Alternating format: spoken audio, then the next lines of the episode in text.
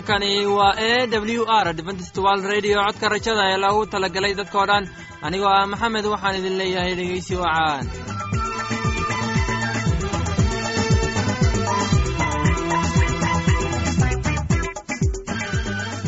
barnaamijyadeena maanta waa laba qaybood. Qaybta koowaad waxaad ku maqli doontaan barnaamijka caafimaadka. Oo inoo soo jeedinaya shiino kadib waxaa inoo raacaya cashar inaga imaanaya bugga nolosha uu inoo soo jeedinaya cabdi maxamed labadaasi barnaamij ee xiisaha leh waxaa inoo dheeraysa daabacsan oo aynu idiin soo xulinay kuwaas aynu filayno inaad ka heli doontaan. Dhegeystayaasheenna qiimaha iyo khadradda lahu waxaynu kaa codsanayna inaad barnaamijkeena si haboon u dhegeysataan. Haddii aad wax su'aalaha qabto ama adaysid wax tala ama tusaala fadlan inala soo xiriir dib ayaynu kaaga sheegi doonaa ciwaankeenna bal intaan udu gulagelin barnaamijyadeena xiisaha leh waxaad marka hore ku soo dhowaataan heestan daabacsan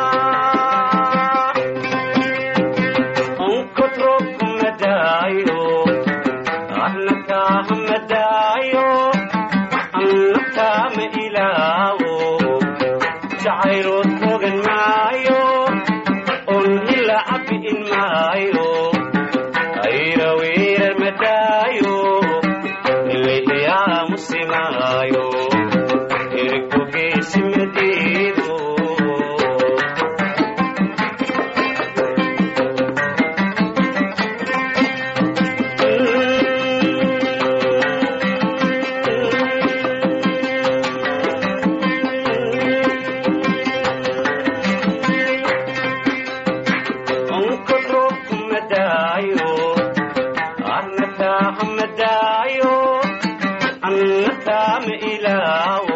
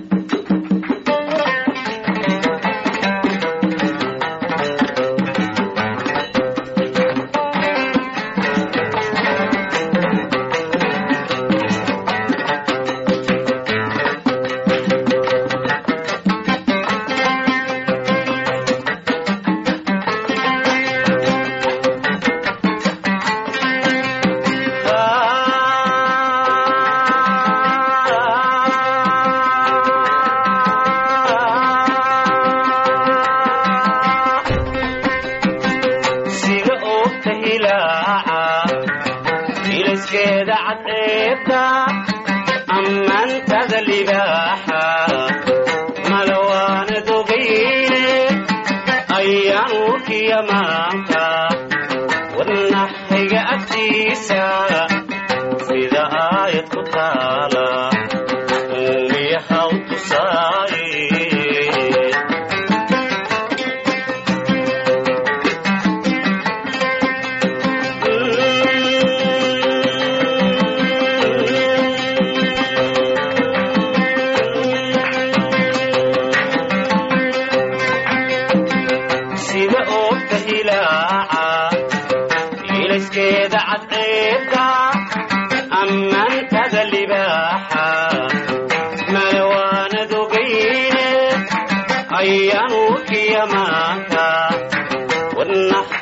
agtiisa sida aayad ku taala uumiyahaw tusaaye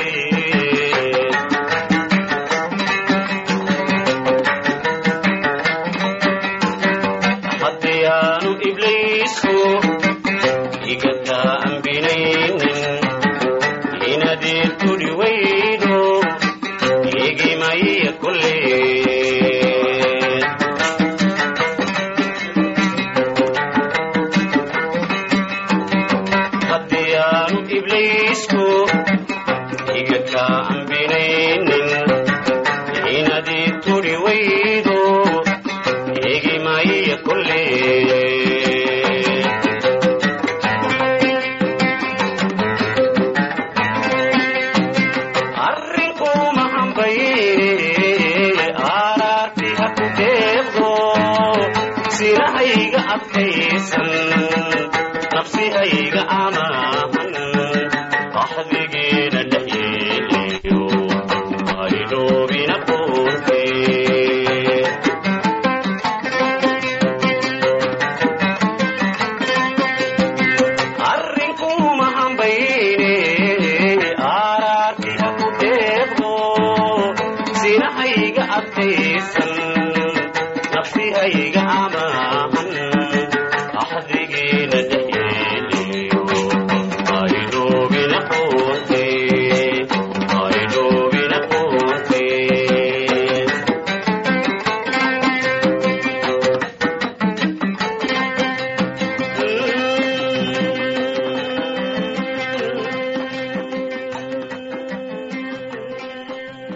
barnaamijkeena caafimaadka waa mid muhiim ah. Waxaan rajaynayaa inaad ka faa'iidaysan doontaan barnaamijkaasi. Barnaamijku wuxuu ka hadli doonaa bukaanada dhiigga ee jeermiska keena. Waxaana inoo soo jeedinaya shiino ee dhegeysiye wacaan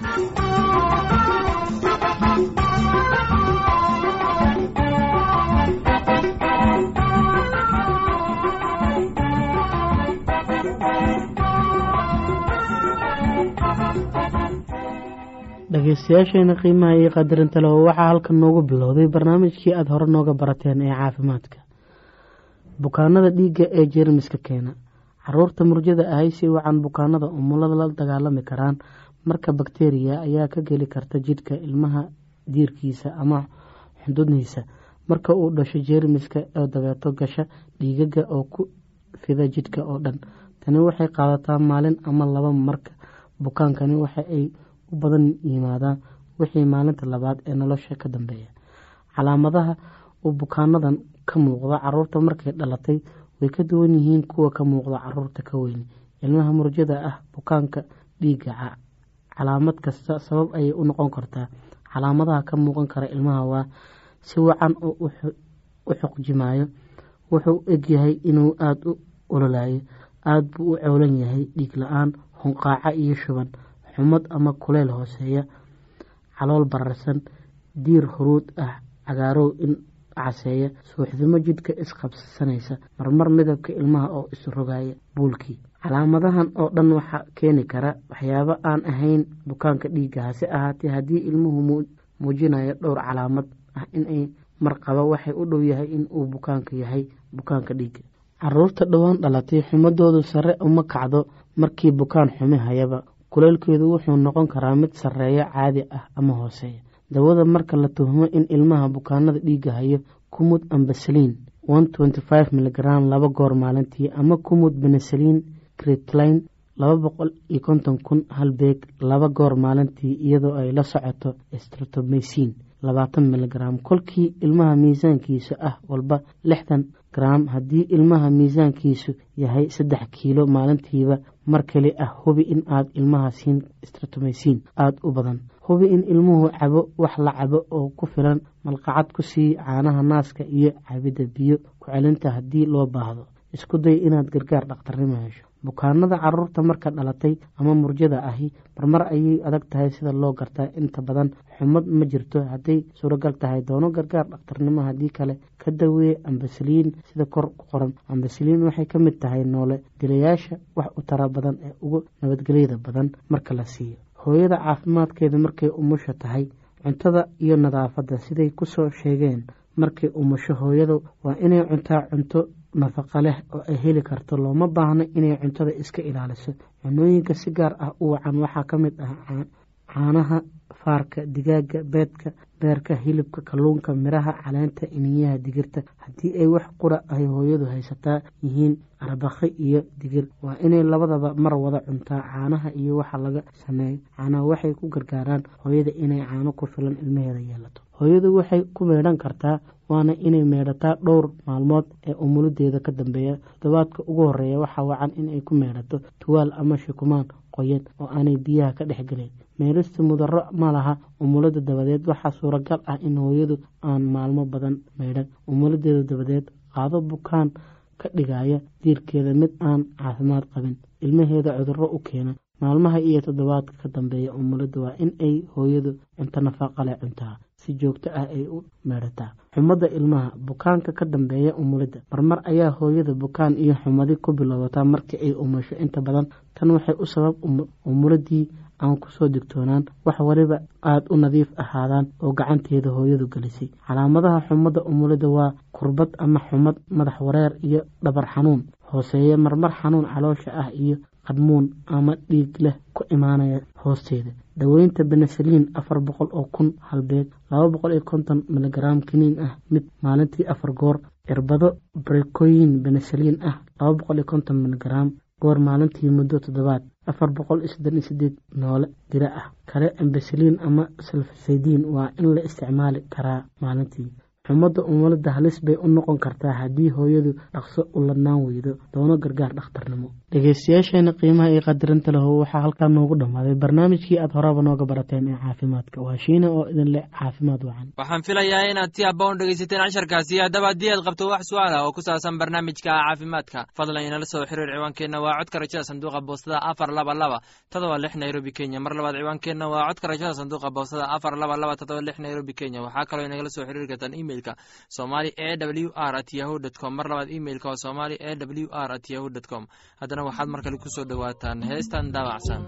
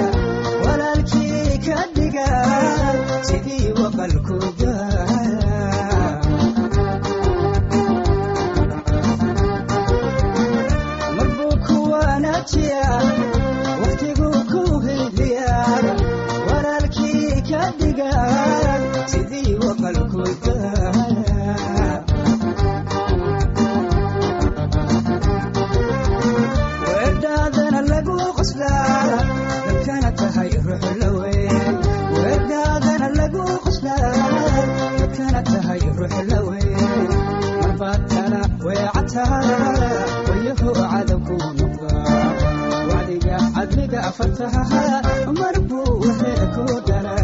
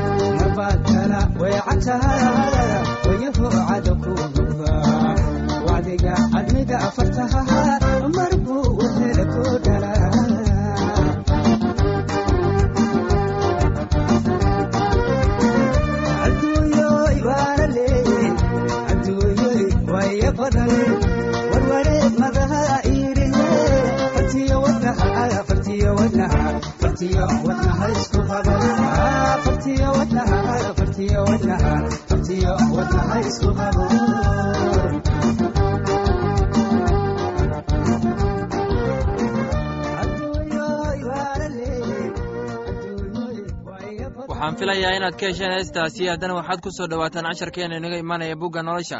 Casharkeenna wuxuu ku saabsan yahay bugga corintinos waxaana inoo soo jeedinayaa cabdi maxamed ee dhegeysi wacan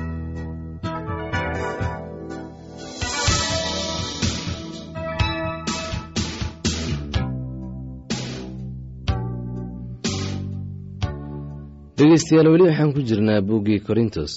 Waayo waa rabbiga kan i xukuma taa aawadeed wakhtiga hortiisa waxba ha xukumina ilaa rabbiga imaanayo kan waxyaalaha qarsoon ee gudcurka iftiimin doona ama muujin doona tashiyada qalbiga oo markaas nin kastaaba wuxuu ammaantiisa ka heli doonaa ilaah. Walaalayaalow waxyaalahan ayaan aawadiin u soo qaaday qudhayda oo abolosna inaad xaggayga ka barataan iyadaynaan ka gudbin waxyaalaha qoran oo aan midkiina midka kale u faanin waayo yaa ka soocay maxaad haysataa oo aanad helin laakiin haddaad heshay bal maxaad u faanaysaa sidii adigoo aan helin. Horaad u dherigteen horaad hodan u noqoteen la'aantayo sida boqorro ayaad wax u xukunteen. Waan jeclaan lahaa inaad wax u xukuntaan inaannu annagu wax idinla xukunno waayo waxaan u malaynayaa in ilaah na soo saaray annagoo ah rasuulladii ugu dambeeyey sida kuwa dhimashada lagu xukumayo oo kale. Maxaa yeelay wax la daawado ayaa nalooga dhigay dunida iyo malaa'igaha oo dadkaba. Annaga waxaannu nahay addoomihii rabbiga aawadiis. Idinkuse caqli baad ku leedihiin xagga rabbiga. Annagu waa xoog daran nahay. Idinkuse waad xoog badan tihiin. Idinku ammaan baad leedihiin. Annagasu waan maamuus la'nahay. Tan iyo saacaddan waan gaajaysannahay waanan haradsannahay waanan aradannahay waa nala garaacay oo meel aan ku hoyno ma lihin waana hawshoonnaa annagoo magacyahayga ku shaqayna markii nala caayana waan ducaynaa markii nala silciyana waan dulqaadanaa markii nala xantana si qabow ayaynu u hadalnaa waxaannu noqonnay iskuga dunida iyo wax ugu wasaqsan wax kasta tan iyo haatan. Anigu waxyaalahaas oo qori maayo inaan idiin ceebeeyo laakiin inaan idin waaniyo sida carruurtayda aan jeclahay oo kale. Inkastoo aad leedihiin toban kun oo idinku rabeeyey aabbayaal badan ma lihidin waayo rabbiga ayaan idinku dhaariyey xagga injiilka. Haddaba waxaan idinka baryayaa inaad igu dayataan. Taas aawadeed waxaan idin jeclahay oo aaminka ah wuu idin xusuusin doonaa socodkayga ee ah xagga nebiga. Sidaan meel kasta wax nalagu baro synagoog kasta qaar baa kibray sidii anigoo aan idiin imaanaynin laakiin dhowaan baan idiin iman doonaa haddii rabbigu yidhaahdo oo markaasaan garan doonaa kuwa kibray xoogagooda ee ma aha hadalkooda waayo boqortooyada ilaah hadal ma aha ee waa xoog iyo xigmad. Haddaba maxaad doonaysaan ma inaan ul idinla imaado mise jacayl iyo ruux qabow. Haddiise aad tihiin dad wanaagsan waa in aad rabbiga amaawiirtiisa aad qaadataan oo aad ka cabsataan si aydan shayddaanka ugu soo noqonin. Laakiin ahaada kuwo xaqa ku taagan had iyo jeer oo noqda kuwa amarada qaata rabbiga. Walaalayaalow waxaan idin leeyahay waa in aan dhammaanteenba rabbiga addeecno aan ka dambayno sida uu qorayo kitaabka injiilka. Dhegeystayaasheenna qiimaha qadarinta mudano waxaannu intaas kaga sii hakanaynaa buuggii korintos tan iyo intaynu dib u kulmi doonno sidaa iyo nabadgelyo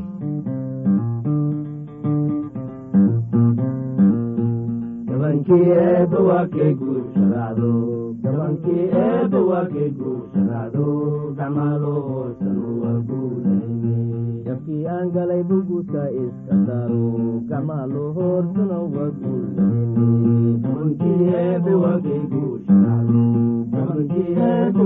guurshadaacdo gacmaalo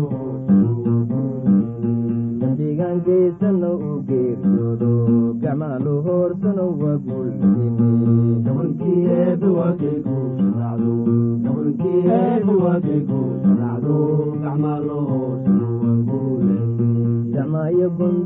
waa laga maro guulayne gabankii eebba waa kay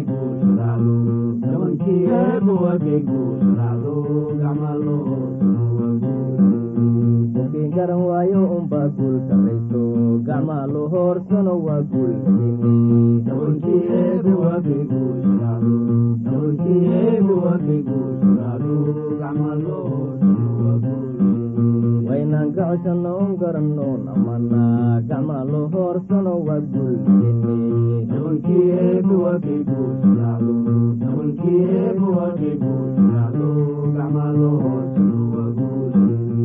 soo laabto oo kaygaan yimaado gacmaalo hoorsano waa guulayne gabankii eebba waa kay guurshadaacdo gabankii eebba waa kay guurshadaacdo gacmaalo hoorsano waa guulayne kuwaa garan doona unbaa guursadaacdo gacmaalo hoorsano waa guulayne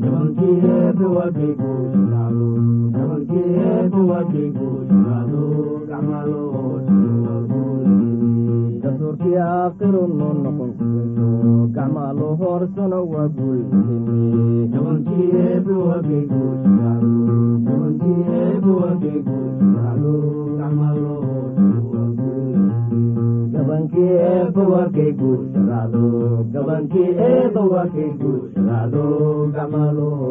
waa guulayne laanta soomaaliga ee w r adventist world radio waxay sii daysaa barnaamijyo kala duwan waxaana ka mid ah barnaamij ku saabsan kitaabka quduuska. Oo aan mar weliba sheegno oo ay weeliyaan barnaamijyo isugu jira caafimaad nolosha qoyska iyo heese aad u wanaagsan oo aad ku wada maqsuudaan. Casharkaasi naga yimid bugga nolosha ayaynu ku soo gogobeyneynaa barnaamijyadeena maanta.